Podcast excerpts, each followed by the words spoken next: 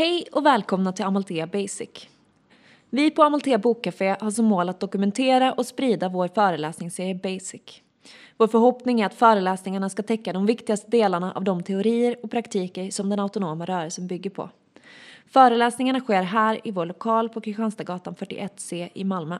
Trevlig lyssning. Basic, basic, basic. Basic, basic, basic.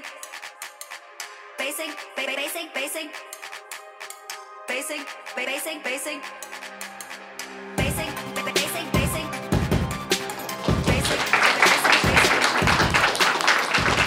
Tack! Tja! Eh, Kristoffer heter jag, eh, som sagt. Och jag är eh, medlem och aktiv i Malmö LS som är en fackförening med 400 medlemmar i Skåne och Blekinge, Eh, främst i, eh, i Malmö. Eh, LS står för lokal samorganisation. Så vi tillhör en central centralorganisation som heter SAC, eller Sveriges arbetares centralorganisation, mer känd som Syndikalisterna. Inom Malmö LS så är jag aktiv i något som heter förhandlingskommittén. Det är vi som sköter fackliga ärenden. Vi, ger, vi stöttar medlemmar i arbetsrättsliga frågor. Eh, Och vi, ja, vi tar förhandlingar med arbetsköpare helt enkelt. Jag ska inte snacka så mycket om oss idag, förhandlingskommittén eller Malmö LS eller något sånt. Utan jag har blivit inbjuden till att prata om eh, arbetsplatskamp. Och jag har valt att göra det med fokus på arbetsrätt. Eh, och arbetsrätt som, eh, som verktyg för arbetsplatskamp helt enkelt. Eh, inte för att det nödvändigtvis är det viktigaste verktyget eller så, men för att det är det verktyget som jag har någon erfarenhet av att använda mig av eh, i förhandlingskommitténs arbete. Med det sagt så tycker jag ändå att arbetsrätten är ett bra ställe att börja på. Om man ska börja från noll och är taggad på att komma igång med arbetsplatskamp, eh, man vill organisera sina kollegor, eh, då är det bra att ha koll på lite grundläggande arbetsrätt, helt enkelt. Men jag tänkte att vi ska köra det här upplägget idag, att jag ska prata lite om varför jag tycker vi ska syssla med arbetsplatskamp. Eh, Vi ska kolla lite på arbetsmarknaden och den svenska modellen för att kolla typ hur samhället ser på arbetsrätt, vad det har för plats i samhället. Eh, Och sen tänkte jag säga lite om hur jag tycker att vi bör se på arbetsrätten. Eh, Vi ska ha en liten paus för diskussion, eh, prata lite erfarenheter kring arbete och eventuellt arbetsplatskamp. Ehm, och sen gå igenom lite grundläggande arbetsrätt helt enkelt. Lagar och avtal som har med arbete eh, att göra. Och så tänkte jag vi skulle ha en diskussion på slutet också när vi pratar lite om hur vi kan använda det i arbetsplatskampen. Och så ska jag försöka knyta ihop säcken där. Låter det bra? Gött. Ehm, varför vi ska syssla med arbetsplatskamp då? Eh, det har ju varit lite föreläsningar här redan om marxism och socialism och så där jag vet att några har pratat om syndikalism och sånt. Så jag ska inte prata jättemycket om, eller jag ska inte gå så djupt i att försöka liksom legitimera arbetsplatskamp från ett ideologiskt perspektiv. Men jag tycker ändå vi bör säga lite om det eh, när vi ska kolla på lagen sen. För lagen kanske inte har samma bild av arbetsplats som, som vi har. Eh, då bör vi ha med oss det. Ehm, men man kan säga mycket om, om arbete, men någonting eh, vi skulle kunna säga är att bland mycket annat så är det det huvudsakliga sättet som vi fördelar resurser på i samhället. De flesta av oss liksom, tjänar vårt uppehälle genom att gå till ett, till ett arbete. Eh, sen så finns det de som istället tjänar på sitt ägande. Och dessa två kan vi dela in i den, den arbetande och den ägande klassen, helt enkelt. Ehm, vi brukar prata om att den ägande klassen äger, eh, äger produktionsmedlen. Ehm, I Ur en arbetsplatskampskontext så kan vi också prata om att eh, den ägande klassen är de som äger företag med anställda. anställda. Det vill säga företagen som den arbetande klassen säljer sin arbetskraft till. Den ägande klassen är alltså arbetsköpare, de som köper arbete. Eh, I det här så, eh, eller förlåt, när, eh, ar- när arbetsköparna driver ett företag så vill de ju att detta ska gå med vinst. Eh, och i det syftet så betalar man mindre pengar till eh, de som arbetar än vad arbetet egentligen är värt, eller hur? Eh, anledningen till att vi kan gå med på detta handlar ju om att vi inte äger några produktionsmedel. Som sagt, arbetet är det huvudsakliga sättet som vi fördelar resurser på i, i, i samhället. Alltså är vi beroende av ett, av ett arbete. Eh, så det skapas en ojämn maktbalans. Alltså, ICA kan sätta vem som helst i kassan, men du måste ha ett arbete. Eller hur? Så när vi vill bedriva arbetsplatskamp så det vi vill göra är helt enkelt att eh, jämna ut den här eh, maktbalansen. Sen så kan vi ha olika långtgående mål med det här. Ehm, det kan handla om att bara förbättra våra villkor på arbetsplatsen. Kanske att vi går tillsammans och säger att eh, ja, men vi tänker inte eh, arbeta här på det här bygget om inte du sätter upp några stängsel så att vi slipper eh, trilla ner och dö. Typ. Eller så kan vi ha det mer långtgående målet att, att helt och hållet eliminera den här obalansen. Eh, och alltså göra oss av med den ägande klassen och nå det, det klasslösa samhället helt enkelt. Eh, olika politiska inriktningar som har det här gemensamma målet att nå eh, det klasslösa samhället kan ändå tillskriva arbetsplatskampen olika stor del i det här. Eh, det finns de som kanske skulle säga att det är, om inte den enda så i alla fall den viktigaste vägen att vi, det här arbetet måste ske på arbetsplatserna där, där arbetsköparna har den liksom reella eh, makten. Eh, andra inriktningar eh, säger att vi måste slåss på, på alla möjliga arenor, så inte bara på arbetsplatserna utan också, vi måste också försöka ta, ta makt i, i riksdagen eller på gatorna eller i skolan eh, och så vidare. Men för att, för att sammanfatta så kan man säga att arbetsplatskamp helt enkelt är klasskamp på arbetsplatsen.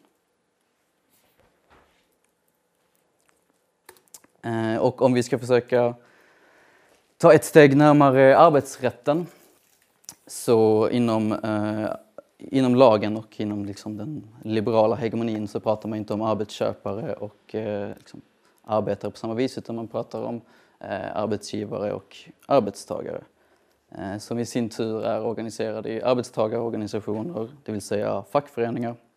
Det kan vara centrala förbund som LO eller SAC då till exempel, eller Tjänstemännens centralorganisation, TCO, eh, som ofta sen är indelade i mindre branschavdelningar. Och på motsvarande sätt så finns arbetsgivarorganisationer på arbetsgivarsidan. Ehm, I Sverige så är de flesta av de här tillhör en eh, centralorganisation eller en paraplyorganisation som heter eh, Svenskt Näringsliv som också sysslar med eh, lobbyverksamhet och driver den här stora kända tankesmedjan, ni vet Timbro som pumpar ut massa liberal propaganda. Man kan alltså säga att de, även arbetsköparsidan bedriver klasskamp utanför arbetsplatsen. Men också i direkt anslutningen, anslutning till arbetsplatsen och eh, arbetsplatskonflikter. Eh, när vi i Malmö LS till exempel eh, i förhandlingskommittén eh, kallar någon arbetsköpare till förhandling. Om de är med i en arbetsgivarorganisation så kan de ofta få juridisk hjälp därifrån så att det sitter med någon från eh, typ Almega till exempel som är en arbetsgivarorganisation. Eh, men dessa, dessa fyra arbetstagare och arbetsgivare och deras respektive organisationer, det är det vad man brukar kalla för arbetsmarknadens parter, helt enkelt. Eh, och i svensk politik så brukar man prata om att det är upp till arbetsmarknadens parter att själva lösa konflikter på arbetsmarknaden. Så att staten och lagen ska inte lägga sig i så mycket helt enkelt. Och det är det som man brukar kalla för den, den svenska modellen. Men det är såklart inte helt laglöst på arbetsplatserna utan det finns vissa regler för hur det här ska få gå till. Eh, och det är det som helt enkelt är arbetsrätten, spelregler för arbetsmarknaden. Eh, regler för hur, eller rätt att vidta stridsåtgärder och eh, förhandlingsrätt, sådana saker. Ehm, Arbetsrätten erkänner också delvis den här eh, ojämna maktbalansen som jag pratade om innan.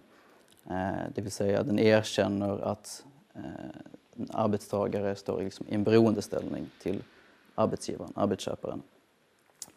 Eh, och det är här den kan vara av nytta för oss. För även om ett mål för våra organisationer såklart måste vara att vi är tillräckligt starka att liksom på eget bevåg driva igenom olika krav, att vi har tillräckligt liksom bra sammanslutning i arbetarklassen i stort men också liksom på våra arbetsplatser. Ehm, så i det läget när vi inte har det så kan det vara ganska praktiskt att använda sig av, av statens och rättsväsendets makt helt enkelt för att trycka tillbaka eh, arbetsköparsidan. Eh, men man bör också, när man ska använda arbetsrätten som verktyg, eh, ha med sig att eh, den, den begränsar oss. Alltså, man får inte, det är farligt att börja se arbetsrätten som en, som en auktoritet. Vi måste kunna liksom gå förbi, eh, liksom ställa högre krav än vad eh, lagen ger oss. Eh, och arbetsrätten befäster också klassamhället. Bland annat genom någonting som man brukar kalla för arbetsgivarprerogativet. Eh, som är just det att arbe arbetsgivarens rätt att leda och fördela arbetet. Eh, som är en sån dold klausul som finns i all arbetsrätt.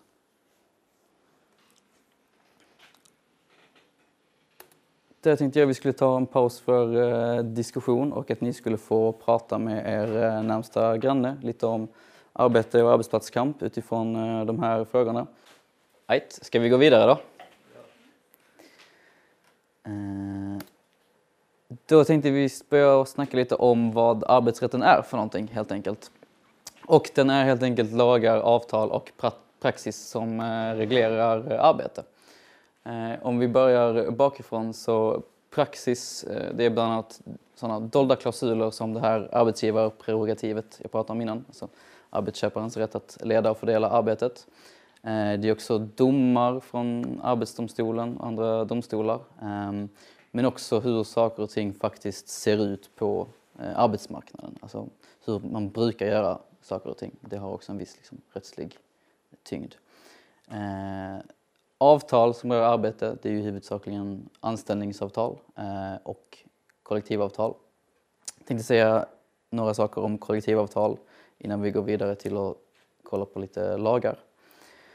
Eh, men kollektivavtal är ju det sättet som de, de flesta stora fackförbund bedriver, ja, det är det verktyget som de använder sig av helt enkelt. Ehm, vad, vad man gör är att man, eh, man har ombudsmän, förhandlare som, från arbetstagarorganisationer som sitter ner med en arbetsgivarorganisation och eh, förhandlar, tecknar ett avtal och sen så gäller det här för alla som är medlemmar i, eh, i den arbetstagarorganisationen, i det facket. Eh, när man tecknar ett kollektivavtal så säljer man sin rätt att vidta stridsåtgärder mot eh, bättre villkor som kanske en, viss, en högre lön eller en, liksom en minimilön som ska råda för alla som jobbar på arbetsplatsen. Eh, men det är det som gör det attraktivt då helt enkelt för, för arbetsköparna att gå med på, på, på de här eh, liksom, bättre villkoren. Just att man Eh, att, att facket ger upp sin, eh, sin rätt att ta till eh, strejk eller att, en, en blockad eller liknande. Um, så att alla som är med i det fack som har slutit kollektivavtal uh, har helt, får helt enkelt inte vidta några stridsåtgärder. De lyder under fredsplikt kan man säga. Uh, däremot så är det så att om du inte är med i det facket som har tecknat kollektivavtal på din arbetsplats så, så är du inte bunden av fredsplikt. Men de flesta av de liksom, positiva effekterna av kollektivavtalet gäller dig ändå. Eh, det är helt enkelt för att det ska, för att det ska funka. För att om, om man har eh, kollektivavtal avtalat fram en, en minimilön eh, och liksom arbetsköparen bara är skyldig att, att be, betala minst den lönen till de som är med i facket så kommer arbetsköparen bara anställa folk som inte är med i facket och då är det inte liksom attraktivt för något fack att teckna några kollektivavtal. Helt enkelt. Eh, Men om vi ska titta på några lagar, eh, är det någon som känner för att namedroppa några arbetsrättsliga lagar? Som ni känner till? MBL. Någon annan? LAS, kanske ni har hört talas om? Inlasad, först in, sist ut, sådana saker. Okej. Jag har en eh, lista på några här. Um, LAS och MBL är eh, de två väldigt mest centrala lagarna inom arbetsrätten. Eh, vi ska prata lite mer om dem. Jag ska säga några ord om arbetsmiljölagen också. Den är lite krångligare, framförallt inte lika lätt att använda sig av liksom, på en lekmannanivå som, eh, som LAS och eh, MBL är. Um, och sen tänkte jag att det kan vara bra att känna till att det finns massa andra eh, lagar också som reglerar arbetet som, som, som man vet vad man ska titta helt enkelt om man, eh, om man undrar över någonting. Det finns arbetstidslagen, semesterledighetslagen, föräldraledighetslagen eh, för att nämna några. Eh, det finns också diskrimineringslagen, den omfattar ju även andra saker än arbete men den har liksom specifik lagstiftning som rör just vad som händer på arbetsplatsen och den gäller även för eh, den som söker en anställning. Så att på, om man blir diskriminerad på en anställningsintervju eh, och så vidare så kan man också använda sig av diskrimineringslagen. Eller det gäller också diskrimineringslagen ska jag säga. Eh, men eh, LAS då, lagen om anställningsskydd. En central del av arbetsrätten som sagt. Eh, det är lite en förutsättning för att vi ska kunna använda oss av arbetsrätten eh, överhuvudtaget eftersom att den gör att ja, chefen inte kan sparka oss hur som helst, helt enkelt.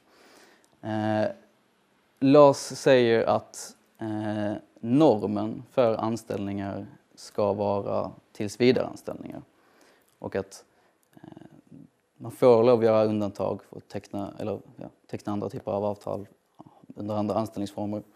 Som tidsbegränsade anställningar som visstidsanställningar, vikariat, sådana saker. Eh, men tillsvidareanställning ska vara normen. Sen tror jag säkert att det är många här inne som känner att det är precis tvärtom. Att det är liksom tillsvidareanställningar, det man brukar kalla fasta anställningar alltså, som är, som är undantaget. Eh, och att, eh, ja, det är väldigt vanligt nu för tiden när bemanningsföretag är tillåtna att man tecknar så kallade tim, timanställningar till exempel. Eh, timanställning är inte någonting, ett, ett begrepp som finns i arbetsrätten överhuvudtaget. Utan det kan se ut på olika sätt men det är, ofta är det väl att man liksom har ett, ett, en anställning som gäller bara precis när man är på eh, arbetet och liksom på din, eh, i övrigt så är du inte, har du ingen anställning. Vilket också gör att arbetsköparna behöver inte eh, säga upp dig ens en gång utan de kan bara sluta att fortsätta anställa dig. Eh, så du har helt enkelt Eh, inget anställningsskydd överhuvudtaget. Har man, en, har man inte en tillsvidareanställning, har man någon av alla de här osäkra anställningarna så får man ju gör, alltid göra en annan avvägning när man ska liksom, använda sig av arbetsrätten. Man måste hela tiden liksom, eh, fundera kring, eller väga liksom, risken att förlora arbetet mot hur mycket, hur mycket skit eh, man kan ta helt enkelt. Eh.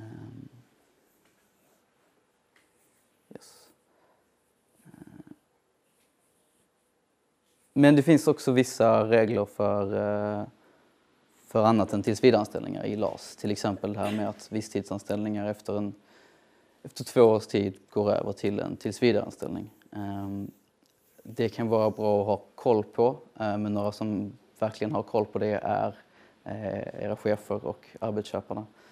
Så att de ser ju noga till att om man har en vikarie till exempel som är på väg att eh, få en tillsvidareanställning så slutar man ringa in den helt enkelt.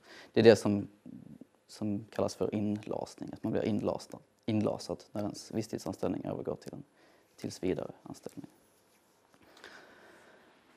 Hur har man koll på vilken anställningsform man har då? Eh, Det står ju i ens, eh, i ens anställningsavtal. Anställningsavtalet kan vara skriftligt, det kan också vara muntligt. Det, det gäller muntliga avtal.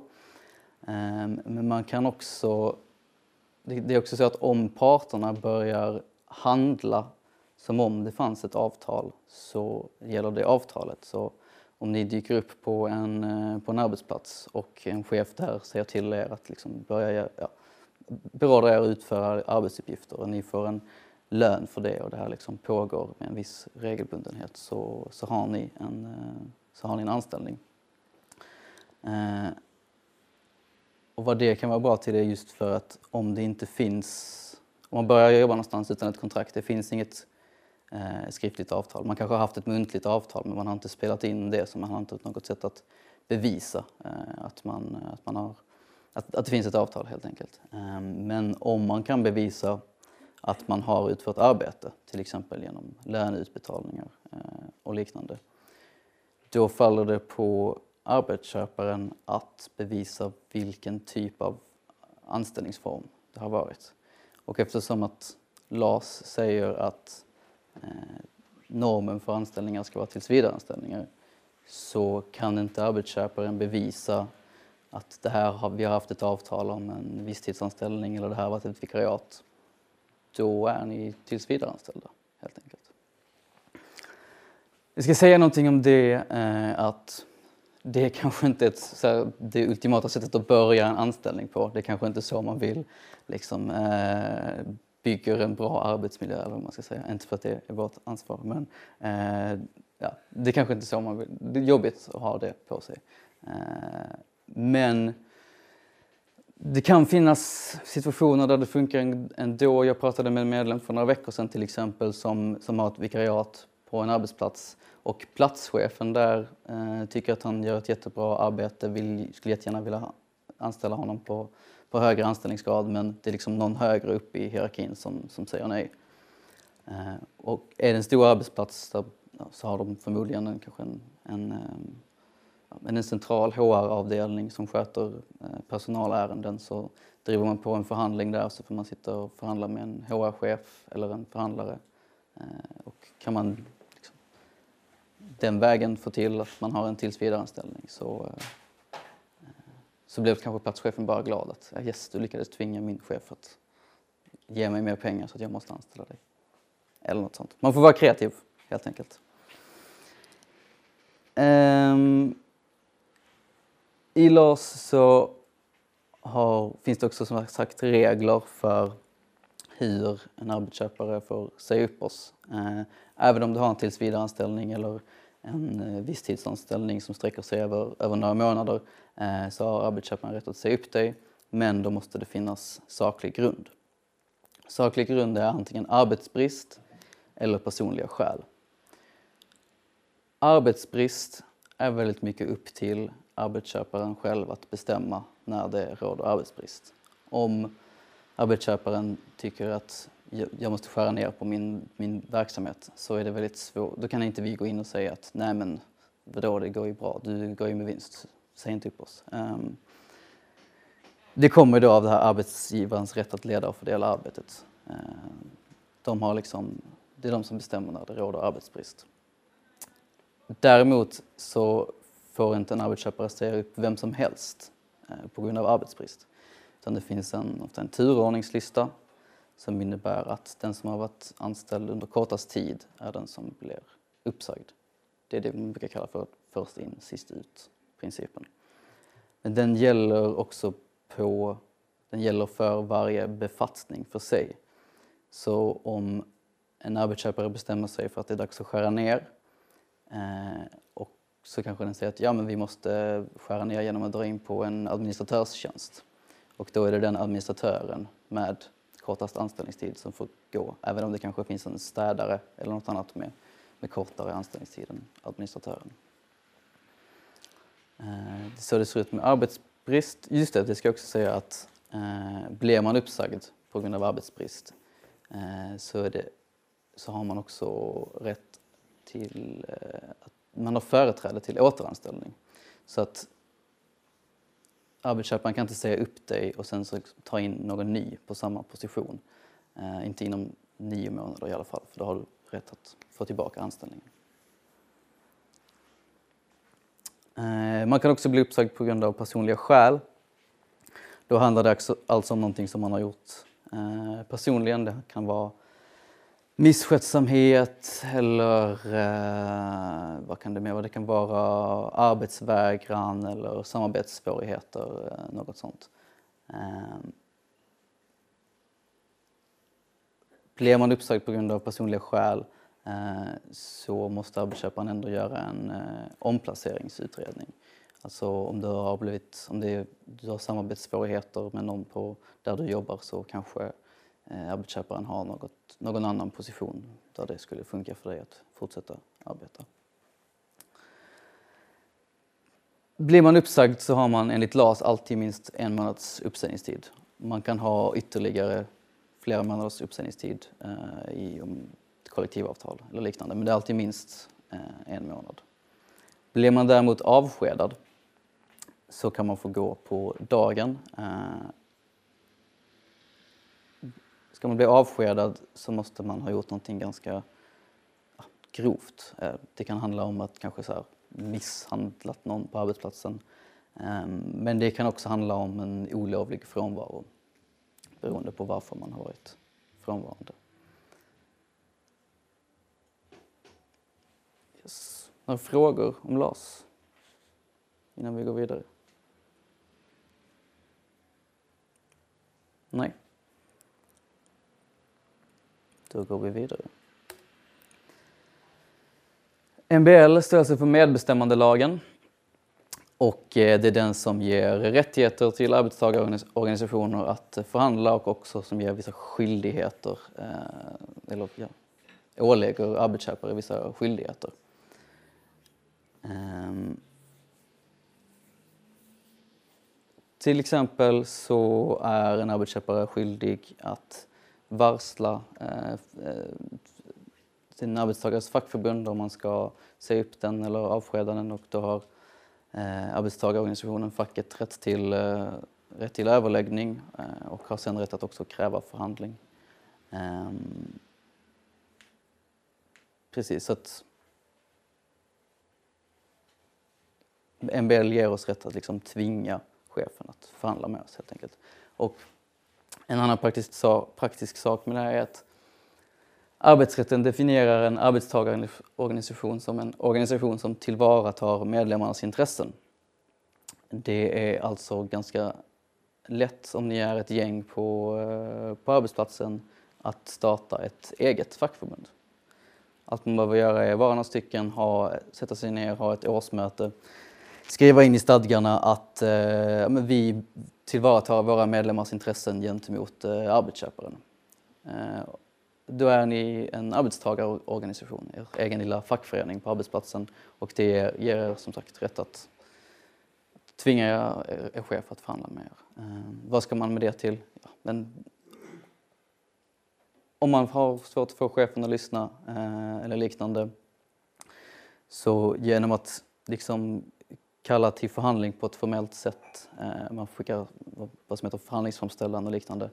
Eh, man formaliserar processen på det viset så vägrar chefen att förhandla med er då så blir den skyldig till förhandlingsvägran och kommer att få betala skadestånd om ni skulle ta vidare det till Arbetsdomstolen eller så sen. Så. Ehm. sen så är ni inte skyldiga, chefen är inte skyldig att att komma överens med er bara för att ni har kallat till en eh, förhandling. Men eh, jag tror ändå att om, ehm, eh, om, man, om man visar på att man har den handlingsförmågan, att vi har gått tillsammans här nu och bildat vår egen fackförening, vi har lite koll på liksom, våra rättigheter och på de arbetsrättsliga lagarna, så tror jag ändå man har kommit en bit på vägen. Ehm, många mindre arbetsplatser till exempel kan ju ha ganska Eh, maktfullkomliga chefer och så vidare som liksom känner att de har eh, full kontroll och makt över alla som arbetar där. Eh, och kan man bara sticka ett litet hål på det så tror jag att man kan liksom sätta någonting i rullning, få igenom krav som man inte skulle få igenom annars.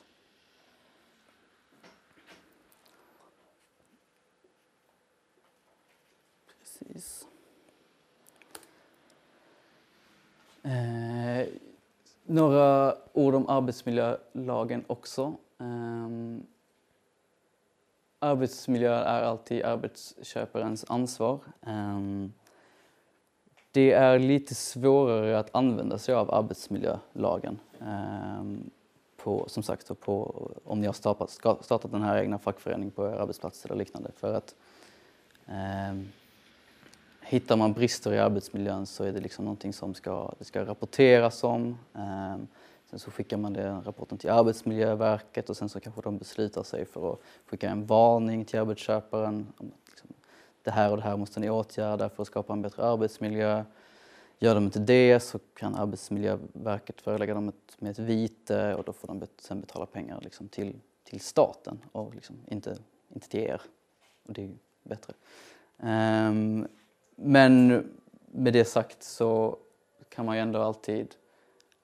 Um, det är bra att känna till att det är arbetsköparens ansvar. Det är ju ändå någonting man kan uh, pusha på i en förhandling till exempel. Vi vet att det här är ditt ansvar att se till att fixa uh, vår arbetsmiljö till exempel.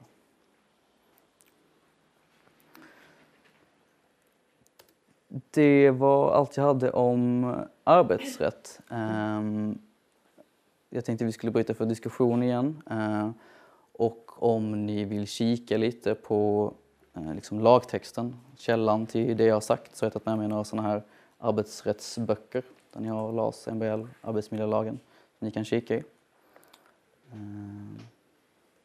Yes. tar vi tio minuter till. Jo. Så det, man får hitta, det jag håller med, alltså den, ja. Um, vi måste hitta nya sätt att, eh, att organisera prekära arbetare på. Eh, och som, ett stort problem som du säger är just att folk är, ja, försvinner från arbetsplatser hela tiden. Men ja, någonting jag har funderat kring är att folk blir ju ofta ändå kvar i prekariatet. Så att man bör kanske titta på att organisera folk ut, alltså ut större kanske. Så i, i SAC till exempel så organiserar vi ju inte bara för arbetsplatser utan också i, eh, i vad vi kallar för syndikat som är liksom branschspecificerade. Så att, Eh, jag tror mycket på att men, bygga upp den typen av föreningar, alla vi som är liksom, prekära eller alla vi som arbetar inom den här cykelmatbusinessen. Liksom, att vi måste åtminstone, även om vi inte har några liksom, eh, några arbetsrättsliga medel eller någonting vi kan göra liksom som, som fackförbund så bör vi liksom ses och prata om vår situation i alla fall, till att börja med. Tänker jag. Um, jag tänkte vi skulle säga lite om uh, ja, arbetsrätten som vi har pratat om nu går att använda sig. Kanske inte i alla fall vid osäkra anställningar och så vidare men jag tror att eh, det ändå som sagt är ett bra ställe att, att börja på. Um, om, man kan, om, man, om man har koll på de arbetsrättsliga lagarna och eh, kan bli den på arbetsplatsen som, som man går till om man har någon fråga om arbetsrätten. Den, man liksom vet att du har koll på, på det här, jag kan få din hjälp. Jag tror att man kan liksom bygga upp ett förtroende hos sin, sina arbetskamrater helt enkelt som är ett bra, en bra grund för att liksom fortsätta eh, att organisera. Eh, som sagt, vi pratade mycket om det innan, att man har den här fördelen att kunna tvinga chefen till, eh, till förhandlingsbordet. Um, och väl där, även om man kanske vinner väldigt små strider, det kanske handlar om att eh, någon som ska bli uppsagd i vilket fall som helst, men som, som, får, eh, som får ett skadestånd, en kompensation eh, för det, så, så vinner man någon typ av, eh, av strid. Liksom. Eh, man kan få det liksom bara en, en, en, liten grej som gör det bättre på arbetsplatsen så tror jag det bygger en känsla av att här, vi kan uträtta eh, saker tillsammans. Eh, vi är inte maktlösa. Eh det tror jag är en viktig grej. Um, och genom att försöka kunskapsutjämna på det här viset, se till att vi är flera som har koll på arbetsrätten till exempel, så kan vi också bygga en, en rörelse som inte är beroende av liksom att det är några få, till exempel ombudsmän eller liknande, som har koll på de här grejerna, utan om vi kan hålla koll på det tillsammans så att liksom det finns folk på varje arbetsplats som, liksom, ja, som liksom bevakar eh, våra intressen eller whatever. Eh, så, så, så blev vi mer en starkare rörelse och en oberoende rörelse helt enkelt. Och lyckas man med det och lyckas man bygga upp starka eh, arbetarkollektiv på arbetsplatser så kan vi också komma till att vi till och med blir oberoende av arbetsrätten. Att vi är så pass starka att vi inte behöver använda oss av, av rättsväsendets makt längre. Ehm, det var allt för mig. Ehm, jag ville bara göra lite reklam också om man är intresserad mer av, nu har jag inte snackat alls om Malmö LS och SAC här idag till exempel. Vill man veta mer om det så kan man gå en grundutbildning som vi har varje månad. Ehm, det är främst för medlemmar men om man är intresserad av att gå med så kan man gå med på en grundutbildning i alla fall. Ehm, nästa är den 4 april. Är man supertaggad på att lära sig mer om, eh, mer om arbetsrätt just så har vi också en förhandlingsbildning den 21 april. Då ska man ännu hellre vara medlem om man ska gå den utbildningen. Ehm, vi kör en sån en gång i halvåret och det är ja, vi i förhandlingskommittén som ja, passar på att refresha arbetsrätt och fördjupa oss inom någonting men den är öppen för alla också. Som sagt, vi vill försöka kunskapsutjämna och se till att alla har koll på det här. Så.